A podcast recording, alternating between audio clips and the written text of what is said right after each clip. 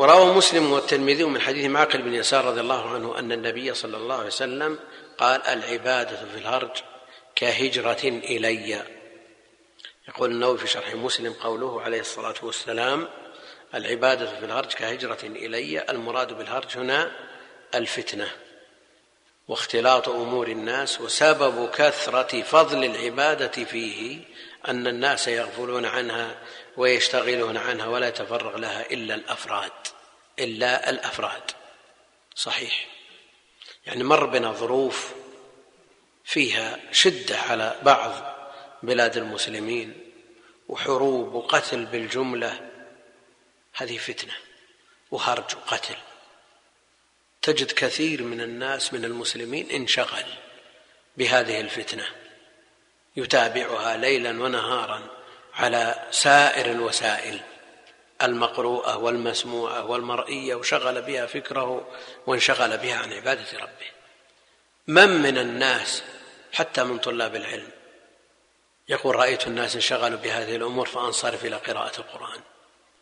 أشغل نفسي بدل قراءة الصحف التي ينفق عليها كثير من الناس وقت طويل أقرأ القرآن بدلها وبدلا من أن أستمع إلى آلة فيها الأخبار سواء كانت مسموعة أو مرئية أصلي بقدر الوقت الذي يستمع فيه الناس ويرون.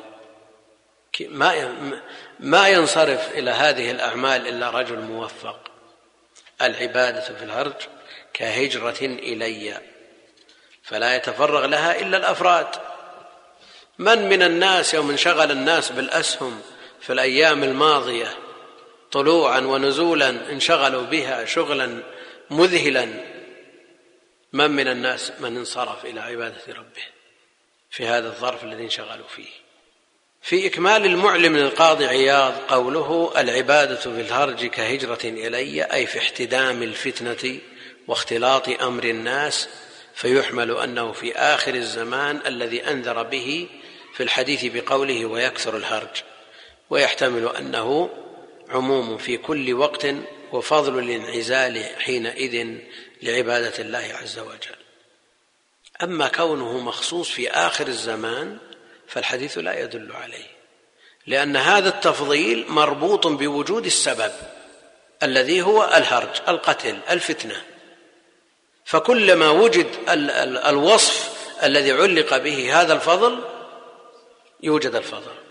فكل ما وجدت فتنة ينصرف الإنسان إلى عبادة ربه.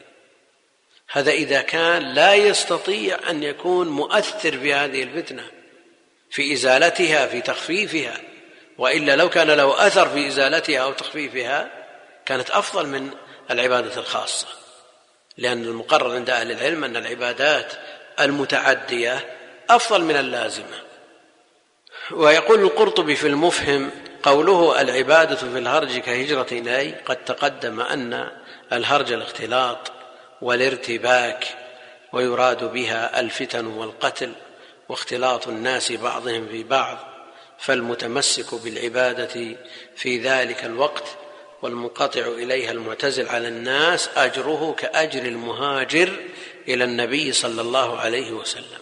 أجره كأجر المهاجر إلى النبي صلى الله عليه وسلم لأنه يناسبه من حيث أن المهاجر قد فر بدينه عمن يصده عنه. يعني على وقت النبي عليه الصلاة والسلام إذا هاجر إلى النبي عليه الصلاة والسلام فر بدينه من قومه وعشيرته الذين يحاولون أن يصدوه عن دينه ويصرفوه عنه.